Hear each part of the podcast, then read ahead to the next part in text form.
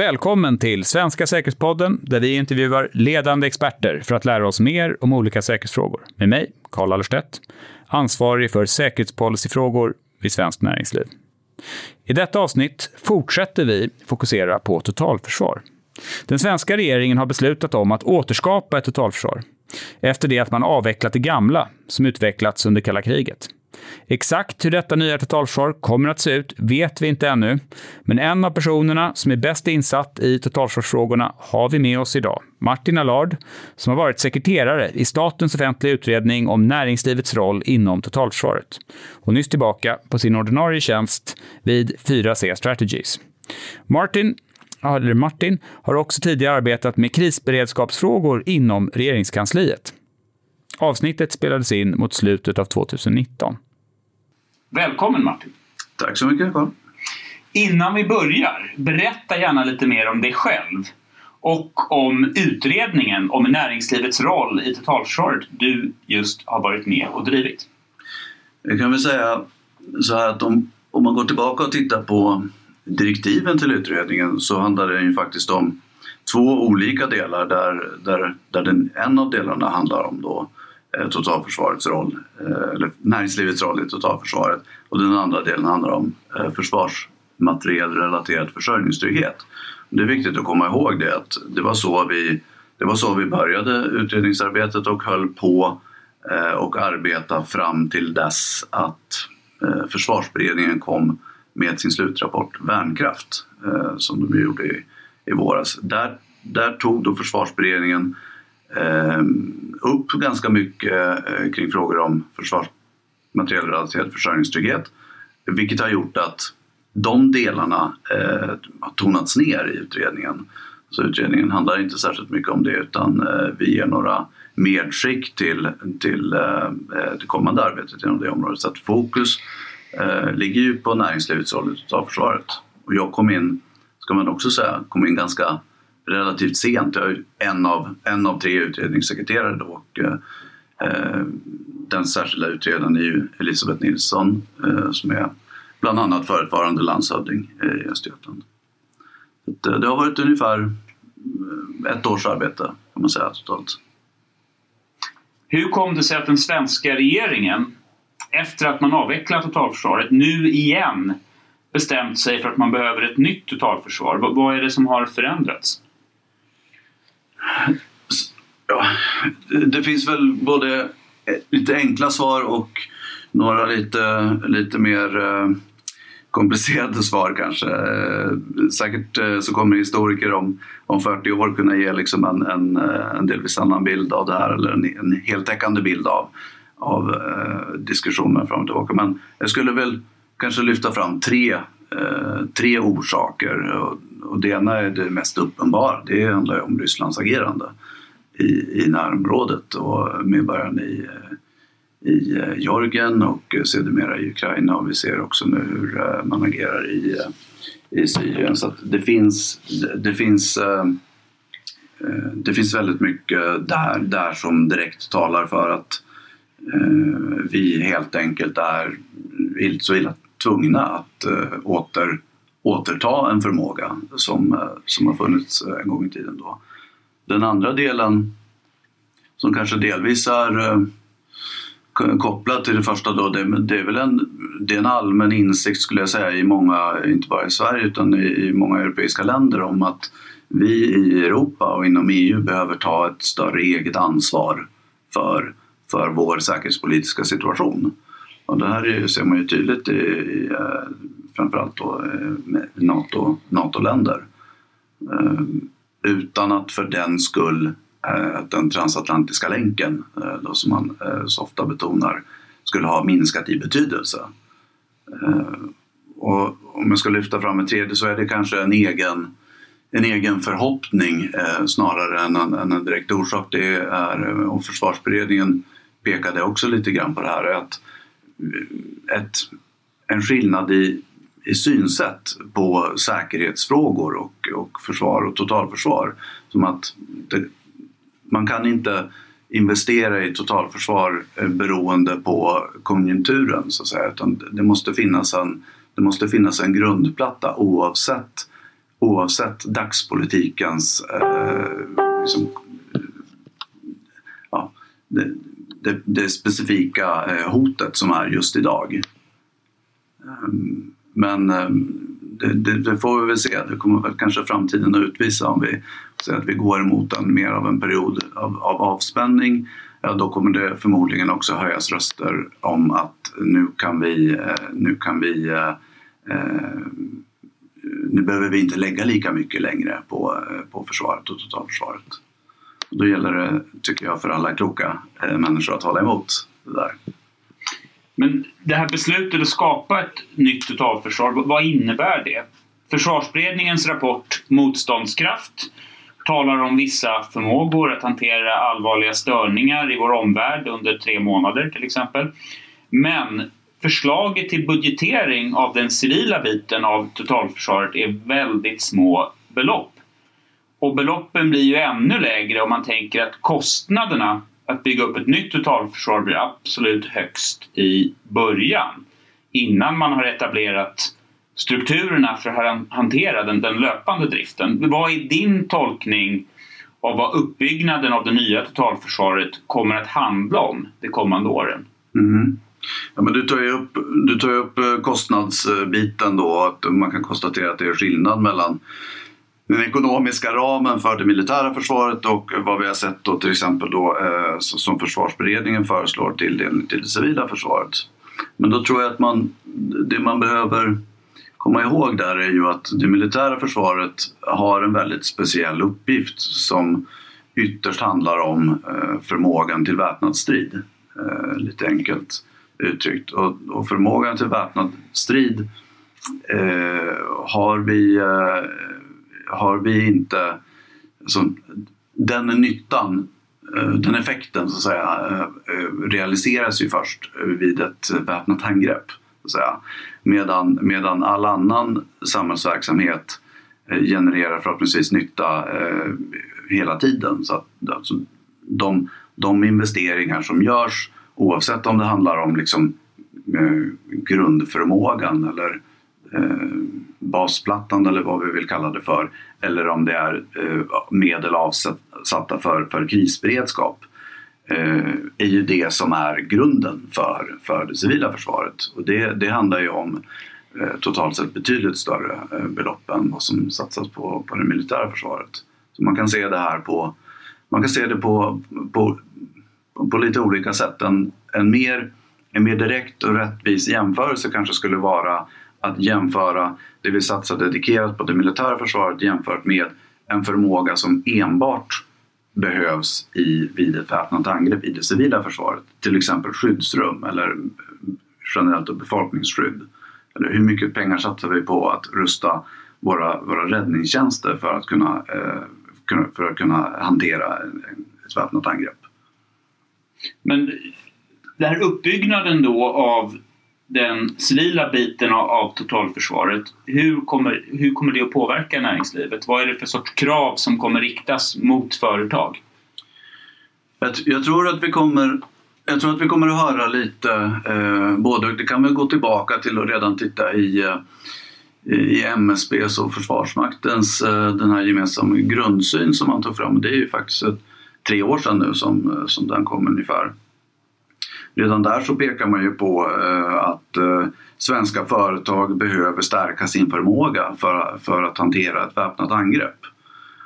Eh, och det kan man ju tycka.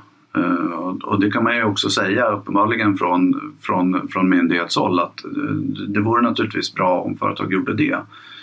Samtidigt så um, för alla eh, som, som arbetar i företag och som, och som förstår lite kring eh, näringslivets villkor inser ju att eh, det finns inget direkt eh, det finns inget direkt incitament eh, för i alla fall de allra flesta företag att, att skapa sig en förmåga som handlar om att kunna hantera en situation med, med tre månaders eh, avspärrning eh, till exempel. Och, där, där en del av den tiden eh, är, är väpnad strid på svenskt territorium med, med, helt, med, med oklara eh, avsättningsmöjligheter för, för varor och tjänster och så vidare. Den sannolikheten för en sån situation är så pass låg ändå. Trots att den har, trots att den har ökat, så är risken för det har ökat, så är den fortfarande så pass låg. Företag eh, idag har fullt upp med att hantera eh, vardagens problem. Så, eh, och dessutom så eh, måste man nog säga att även om näringslivet eh, och företag direkt påverkas av, eh, av ett väpnat angrepp och har definitivt en stor roll i det så är det liksom någonstans så är det ändå statens uppgift och statens ansvar att eh, eftersom staten är beroende av, samhället är beroende av så mycket av näringslivet ja, då måste man också eh, göra de investeringar som behövs. Och jag tror att, eh, jag tror att vi kommer att landa i eh, i de allra flesta fall eh, i upphandlingar eh, som, som, eh, där, man behöver, där myndigheter, kommuner och regioner behöver det kan inte längre bara handla om, om lägsta pris vinner utan vi måste få in krav i förfrågningsunderlagen som gör att eh, därigenom så, så, säga, så skapar du en förmåga så för, att, för att kunna ställa upp i den här tävlingen, om vi ska kalla det för det, eh, men då, måste du, då, måste du ha en viss, eh, då måste du ha en viss förmåga. Och det är inte alla företag som kanske kommer att kunna det och det är en del företag som kommer att välja att inte ställa upp på den typen av upphandlingar och det är helt okej. Okay. En sak är ju då företagen som väljer att delta då i, i en upphandling.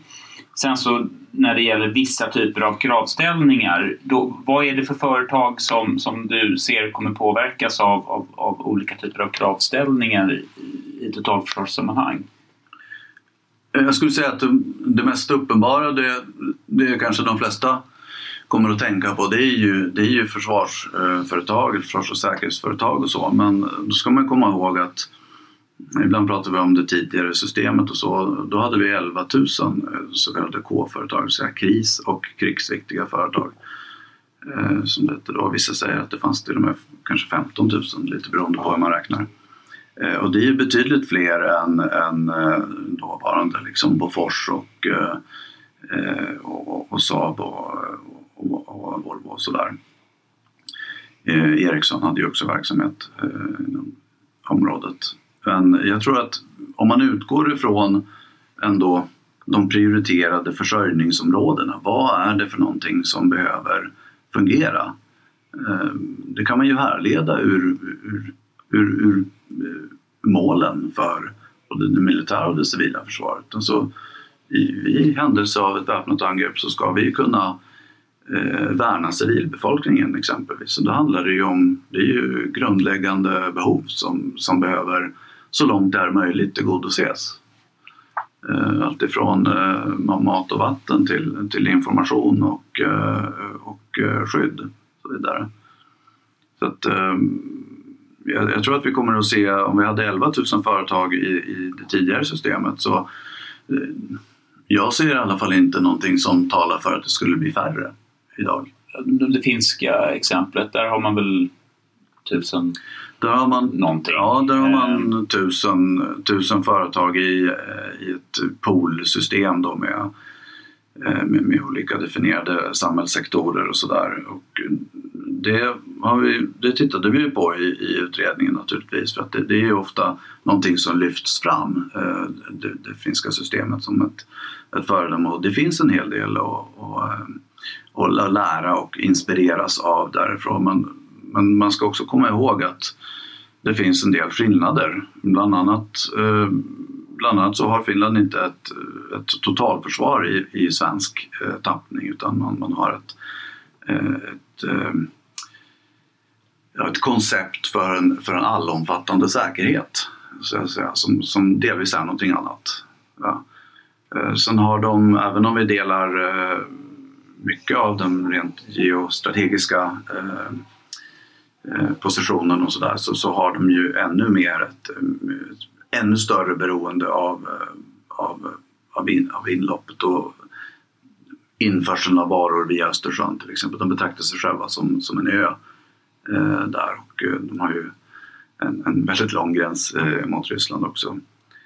Sen får man nog säga att, eh, erfarenheten av krig i Finland har lett till en annan uppslutning eh, i samhället i stort och inklusive många, inklusive många, många företag eh, och företagsledare att det här är någonting som är, som är självklart och någonting som man, eh, någonting som man prioriterar i Finland.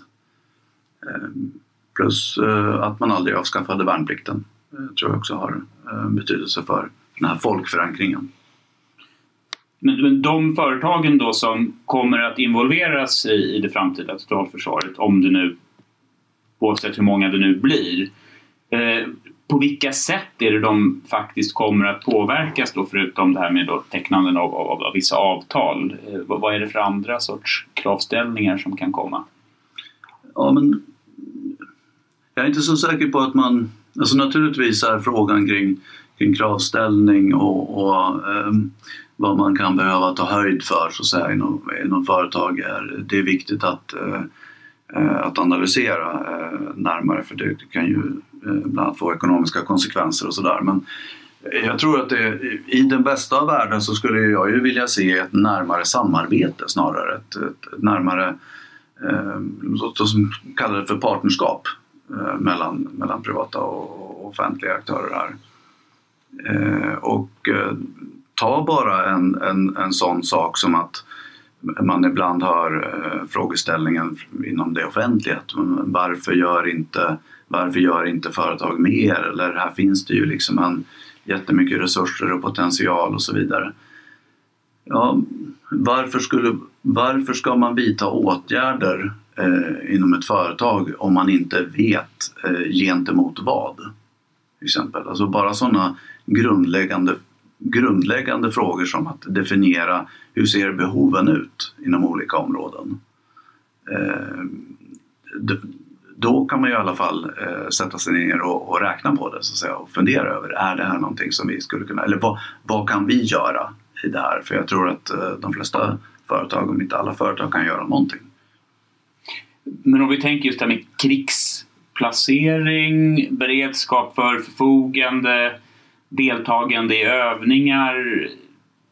Hur kommer det här drabba alla företagen som ska involveras och i vilken omfattning? Jag skulle, jag skulle kanske inte uttrycka det som att drabba eh, utan eh, om vi tittar på, på, jag tror att det finns en del som vi kan lära av hur, hur den gamla myndigheten ÖCB arbetade med de här frågorna en gång i tiden. Om man tittar på, jag drömmer till minnes en, en broschyr från tror det är från mitten av, eh, mitten av 90-talet som, som ÖCB gav ut tillsammans med dåvarande eh, SAF. Eh, och eh, den hette någonting i stil med att K-företaget eh, ett åtagande och en förmån. Så att säga. Eh, och det sätter lite fingret på den här eh, vikten av att man måste hitta den här liksom balanspunkten. För, för ja visst, det, det är, det är det är åtagande så att säga och eh, det, det, är en del saker som man troligtvis kommer att behöva göra. Men det innebär ju också, kan också innebära förmåner att eh, få sitta med vid bordet till exempel. Eh, att, att få eh, inblick i, i, i eh, myndigheternas planering. Att, att få delta i, i övning, utbildnings och övningsverksamhet som, som myndigheter eh, i alla fall till del eller till stor del eh, finansierar, eh, bekostar. Eh, jag tror att ehm, just den här att, att komma in i de här samverkansstrukturerna som ändå är nu under uppbyggnad är väldigt, väldigt viktigt. Och där finns det en, det finns en ganska stor risk att, man, att myndigheter gör om, eh, gör om samma, samma misstag som man brukar göra, det vill säga att man pratar bara med andra myndigheter. Och så glömmer man att en stor del av Sverige och en stor del av den samhällsviktiga verksamheten bedrivs av företag idag. Ja, och det märks ju i diskussionerna än så länge att det varit mycket fokus på, på, på det offentliga. För att komma tillbaka lite till det här, du nämnde tidigare det här med budgetaspekter. Det känns som att politiken ligger lite efter när vi tänker det, här, det breda totalförsvaret. Den militära budgeten ligger på tiotals miljarder per år och den civila delen får ju en, en, en bråkdel av, av det här. Förstår inte våra politiker behoven här?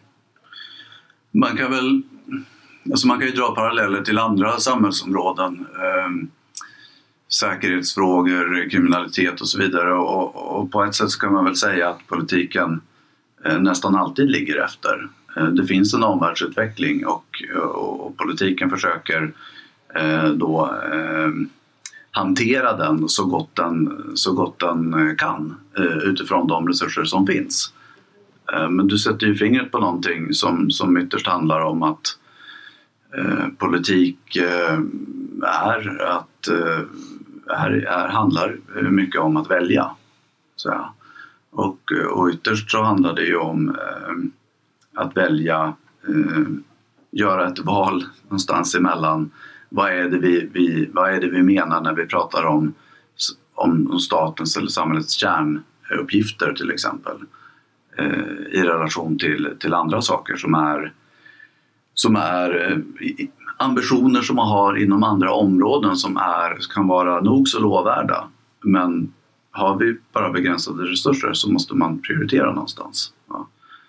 Och jag tror att den eh, politiken har, eh, förstår ganska väl eh, hur behoven ser ut. Eh, det man försöker göra är ju att få resurserna att räcka till så mycket som möjligt. Och eh, man kanske borde prioritera lite hårdare. Eh, du tänker då oavsett budgetförutsättningar, det känns ju inte som att det nya totalförsvaret, vad det nu blir, kommer att byggas upp på ett sätt som liknar det gamla. Dimensioneringen kommer att vara mycket mer blygsam Eh, Eh, finns det inte en risk här nästan för ett retoriskt totalförsvar? Att man bygger upp något mer för syns skull snarare än att det kommer ge en, en, en reell effekt? Så det där, det är svårt, ehm, det är svårt att veta naturligtvis. Det, kommer liksom bara framtiden att utvisa precis eller exakt hur det blir. Men eh, jag skulle nog säga så att ehm, alltid när man drar paralleller till hur det gamla systemet såg ut så är jag inte så säker på att man, eh, att, att, man, att man verkligen eh, vet vad man menar med eller snarare att det är inte så säkert att man vet precis hur det gamla systemet såg ut. Eh, till exempel så finns det ju, eh, tycker jag ibland, föreställningar om att det gamla systemet innebar att vi var helt självförsörjande i Sverige. Att vi hade ett totalförsvar, ett militärt försvar som inte Eh, Eh, byggde på eller förutsatte hjälp utifrån. Eh, så var det inte. Så, så, var det inte. så var det inte då och så är det inte eh, idag heller. Sen måste man också titta på vad är det då som har förändrats sen, sen dess? Så att säga. Sen, 70-80-talet, ja, den, en av de viktigaste sakerna är ju vårt medlemskap i EU i mitten av 90-talet. Och eh, det innebär eh, i grunden stora förändringar i hur vi kan arbeta med till exempel att direkt eller indirekt stödja eh, svensk näringsliv. Exempelvis. Alltså det är frågan om statsstöd. Det innebär eh, att vi behöver ta hänsyn till eh, regelverk kring, kring konkurrensfrågor. Eh, eh, så att det, det, det, är inte så lätt som att eh, vi kan ta det gamla systemet och införa det på nytt, även om vi skulle vilja. Så. Vi talade tidigare om, om eh, utredningen om, om näringslivets roll i totalförsvaret. Det är ju en del andra utredningar som pågår. Kan du nämna något om, om vilka dessa är och vilka frågor de kommer bidra att, att klargöra? Ja, men jag tror att, ser vi tillbaka bara nu på sen 2015 då regeringen beslutade om att om att återuppta då eh, planeringen, eh, totalförsvarsplaneringen så har det ju, det måste man verkligen säga, så för alla som har jobbat med de här frågorna i, i, i eh, ja, sen, sen eh, millennieskiftet ungefär, det har aldrig hänt så mycket som det har hänt under de här senaste, senaste tre, fyra åren. Att, eh, så, ah, mängden regeringsbeslut och omfattningen på, på dem har ju varit eh, smått smått otrolig. Så att man får också se liksom att eh, hur, hur, mycket hinner olika aktörer här, jag tänker då på myndigheter och, och, andra också, absorbera av den här. Så den, den politiska ambitionen och den politiska inriktningen är väldigt tydlig. Eh, men eh, när man ska, när man ska styra om en skuta eh, så, så tar det ju lite, det tar lite tid eh, också att göra det. Vi får komma ihåg att det gamla totalförsvaret byggdes upp under årtionden. Eh, och nu har det gått tre, fyra år sen, vi, sedan, vi tryckte på, eller sedan regeringen tryckte på knappen. Men jag skulle väl, för att svara på den frågan så skulle jag väl peka på eh, civilförsvarsutredningen då, alltså eh, utredningen om, om ansvar och eh, sektorsansvariga myndigheter till exempel och eventuella civilområden. Eh, det är en viktig, framförallt för myndigheterna så är, så är, det, en viktig, eh, så är det en viktig fråga. För näringslivet, för företag, ja, hur staten väljer att organisera sig.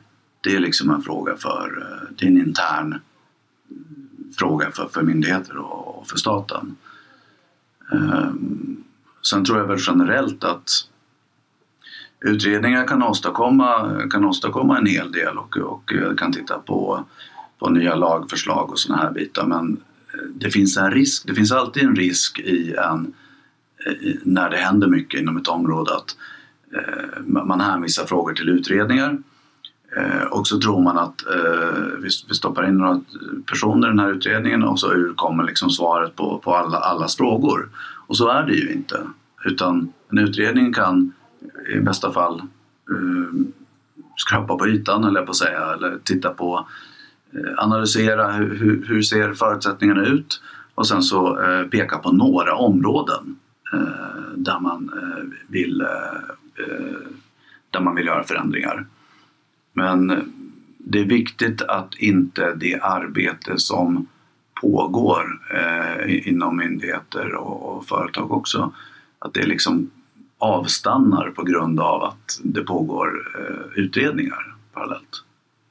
Utöver just utredningar, är det några speciellt viktiga händelser eller beslut som kommer att påverka hur det framtida totalförsvaret kommer att utformas? Alltså, mm, de viktigaste händelserna är kanske omvärldshändelser som vi inte har någon, eh, någon uppfattning om idag, vilka de kan tänkas bli eh, för någonting. Men om vi ser det som vi själva har kontroll över så ja, det är klart att jag ser fram emot att eh, ta del av en del, och inte alla bevakningsansvariga myndigheter, men, men eh, många bevakningsansvariga myndigheter har ju fått ett uppdrag att, eh, att, att, titta på eh, förutsättningarna att eh, genomföra eh, försvarsberedningens förslag. Det ska ju komma i mars 2020. Och, och det här underlaget som kommer i mars då, vad kommer det ha för konsekvenser? Vad har regeringen för alternativ när det gäller att faktiskt agera på det här underlaget? Mm. Alltså de, regeringen har alltid eh, full handlingsfrihet, eller jag på att säga. Eh, det är klart att det kommer att vara ett viktigt underlag för regeringen och, och den... För det är en kostnadsanalys. Ja. Så om man vill uppnå liksom en ordentlig nivå i linje med eh, Försvarsberedningens rapport Motståndskraft, som är de där spesarna där, vi säger då att de säger att det här kommer kosta enorma miljardbelopp mm. som politiskt kanske inte är på kartan. Då kommer ju regeringen egentligen då att ignorera rekommendationerna från de här sektorsansvariga myndigheterna och sätta ribban mm. på en mycket lägre nivå. Mm. Skulle du säga, är det det sannolika utfallet? Eh, förhoppningsvis inte. Inte om, om myndigheterna är lite eh, lite smarta här utan då utgår man ju från de ramar som finns. Eh, för att, att tänka sig att man skulle ha någonting helt annat. Att, alltså man kan alltid önska sig saker men, men liksom fromma förhoppningar eh, då. Bara att man får utgå ifrån eh, de nivåer som, det har, som, det har, som försvarsberedningen pratar om eh, helt enkelt.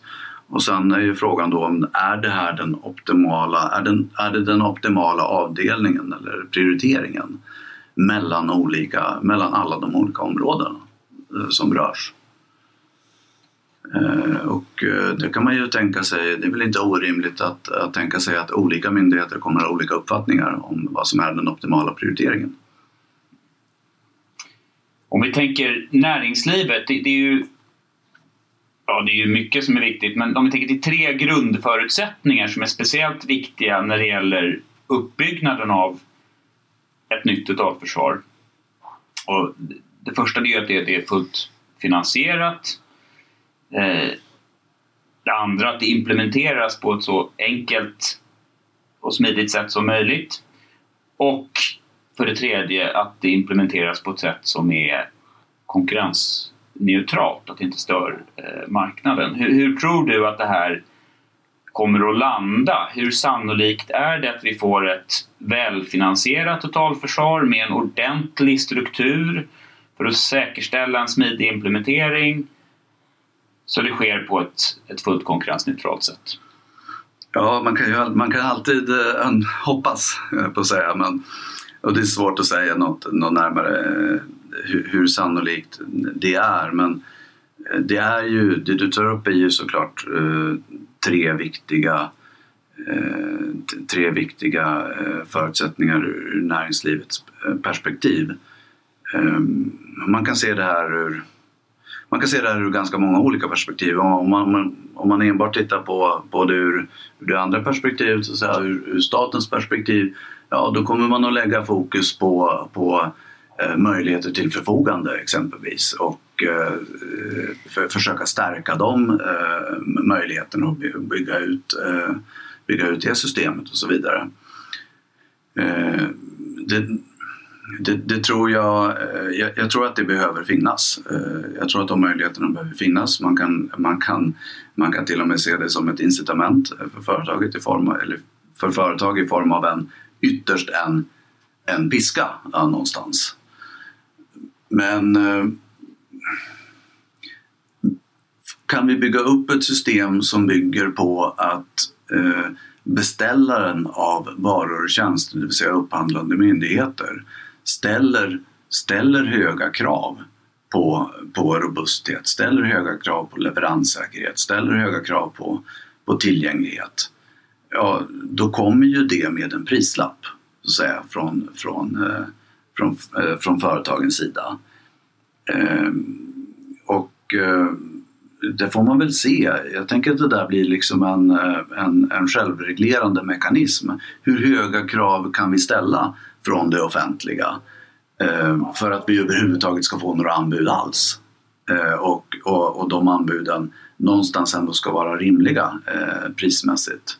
Så att det där, den delen, kostnadsdelen, eh, den borde i alla fall reglera sig själv. Då får man ju förvänta sig att för en given peng, men vill man ha en högre leveranssäkerhet och en högre tillgänglighet så får man också färre enheter för, för den givna pengen. Eh, så, så, är det ju. Liksom. Eh, ja, de andra frågorna det är, lite, det är lite för tidigt tror jag att, att svara på det men, men min uppfattning är ju att min uppfattning är ju från, från till exempel från ansvariga myndigheter, Konkurrensverket och Upphandlingsmyndigheten att, eh, att eh, det kan inte ske på något annat sätt än, än, eh, än med konkurrensneutralitet. Det här, man, man får ju det man, man betalar för på nivån eller output eller resiliens. Finns det då något näringslivet borde göra för att få det offentliga Sverige och våra folkvalda att bättre förstå vikten av att satsa tillräckligt med resurser på totalförsvaret för att undvika då att vi får ett undermåligt totalförsvar? Mm. Jag kanske inte är bästa, bästa personen att svara på den frågan men, men eh, jag tror jag är en ganska varm anhängare av att man har olika uppdrag och man har olika perspektiv beroende på vad man företräder för någonting. Och, och så ska det också vara, det är, inget, det är inget konstigt med det.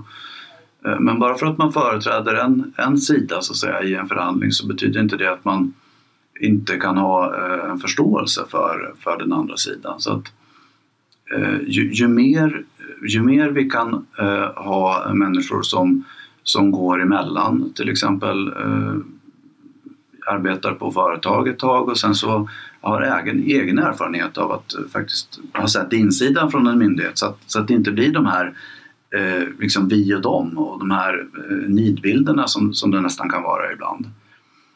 Eh, så, så ju mer av det vi kan få desto bättre. Man kan dra en parallell till, till systemet med, med reservofficerare till exempel. Det var ju en av de viktiga orsakerna till det var ju just att skapa den här folkförankringen, liksom förståelsen för, för försvar, hur Försvarsmakten fungerar och totalförsvarets behov i näringslivet, på ledande befattningar inom näringslivet. Ehm, så att, ehm, jag tror att ju, ju, mindre vi kan, ju mindre vi står och pekar finger på, på varandra och ju mer vi, vi faktiskt eh, sätter oss eh, och går in och har en ambition om att ta till oss den andra, den andra sidans perspektiv, eh, desto, desto bättre kommer det här att bli.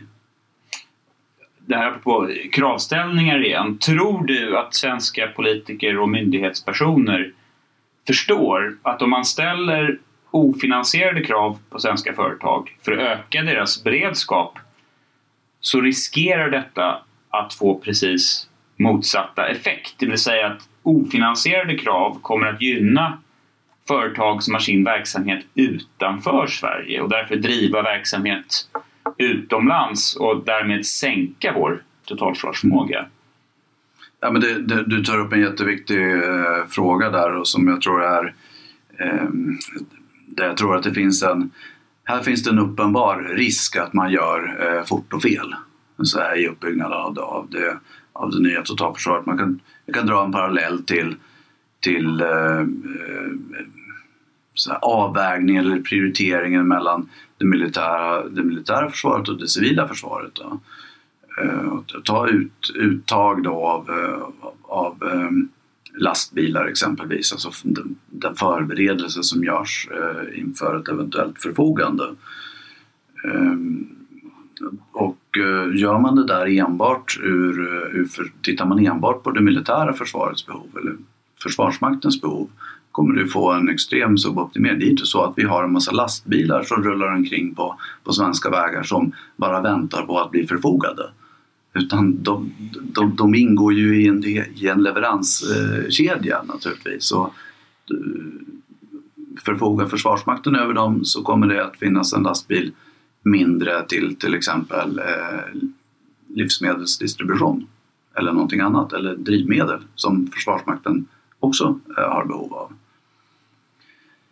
Men eh, jag, tror att, jag tror att eh, insikten finns eh, hos de många, i alla fall försvarspolitiker, eh, om att eh, det här är en, det här är en risk. Så säga. Ställer vi för höga krav eh, på, på företag eh, med verksamhet i Sverige, eh, ja, då, då, då kan det också vara så att man flyttar sin verksamhet någon annanstans.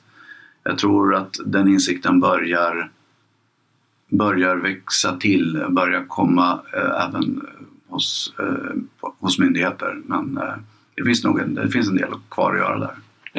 Problemet är väl lite då att det, det regelverk vi har nu bygger till stor utsträckning på hur det såg ut förr i tiden när väldigt mycket mer verksamhet var offentligt kontrollerad och ställa krav på offentligt ägda företag är ju inte samma sak som att ställa krav på konkurrensutsatta privata aktörer som dessutom nu är en del av en gemensam marknad också. Ehm,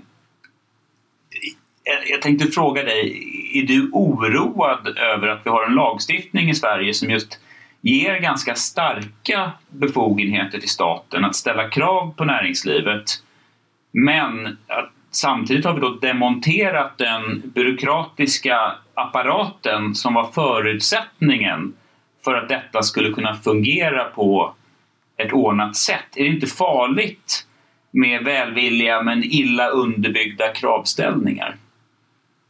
Jo, när du formulerar frågan så, så, så, är, det naturligtvis, så är det naturligtvis det. Um, jag är inte, jag är inte helt, eh, jag är inte helt säker. Det beror på vad man tittar på. Det beror på vilken lagstiftning eh, som, som man avser där. Så alltså, tittar vi då specifikt på förfogandelagstiftningen exempelvis. Så visst, den, den, den, har, den är från början av 80-talet och, och väldigt mycket har hänt sedan dess naturligtvis. Men i grund och botten eh, så eh, är den tillämplig, Eh, eh, är, min, är min uppfattning. Ehm, sen eh, kan man fundera på ja, men i vilken utsträckning ska den tillämpas. Jag tror också att det finns jag tror också att det finns kanske ibland lite missförstånd i hur den är tänkt att tillämpas. Alltså, det, det, det, det har ju aldrig varit tänkt med, med förfogandelagstiftningen att man i, i att säga, eh, på, på fältet eh, så, så, eh, så, så pekar Försvarsmakten och någon officer på att nu, nu behöver jag de här grejerna och så, och så tar man det. Så att säga. Utan 99 procent av arbetet behöver ju göras i ett förberedande skede. Och det är ju precis det som görs nu också. Och nu får vi ju testa de, de som, du, som du säger då, de, de, de byråkratiska eh, mekanismerna kring det där. Visst, i en del fall så kommer man upptäcka att ja, det här med, med, med beredskapslån eh, till exempel eller eh, hur, hur ska vi, hur ska vi eh, göra med det här med eh, leverans av varor och tjänster och, och, och sådana saker. Ja, det finns, det finns eh, ett regelverk kring det eh, som är eh, lite oklart över hur vi ska, eh, hur vi ska tillämpa idag, eh, så kan man väl säga. Så det behöver mer tydlighet? Ja, det behöver, det behöver framför allt klaras ut hur de, här, hur de här gamla regelverken förhåller sig till de nya förutsättningar som vi har idag. Det vill säga hur, hur, hur fungerar det tillsammans med reglerna med, om statsstöd exempelvis? Hur fungerar det eh, i förhållande till eh, konkurrensrättsliga regler? Eh, och, och med det generellt med det upphandlingsregelverk som vi har idag. Man kan tycka att det är man, man, kan ha olika åsikter om rimligheten i att, att upphandla varor och tjänster för, för kriget, så att säga. Men, men det är det system som vi har eh, i grunden. Och det, det, det, det är grundregeln och upphandlingsregelverket det är, det är en form för hur vi, hur vi säkerställer en, en leverans av varor och tjänster. Allt gjort i ett förberedande skede. Ja. Sen om vi befinner oss i ett läge med, med brinnande krig, ja men då tror jag alla förstår att eh, ganska mycket kommer att vara annorlunda. Martin, innan vi avslutar skulle vilja passa på att fråga dig om du har några lästips till våra lyssnare apropå näringslivets roll i totalförsvaret? Ja, det finns, eh, det finns naturligtvis eh, mycket.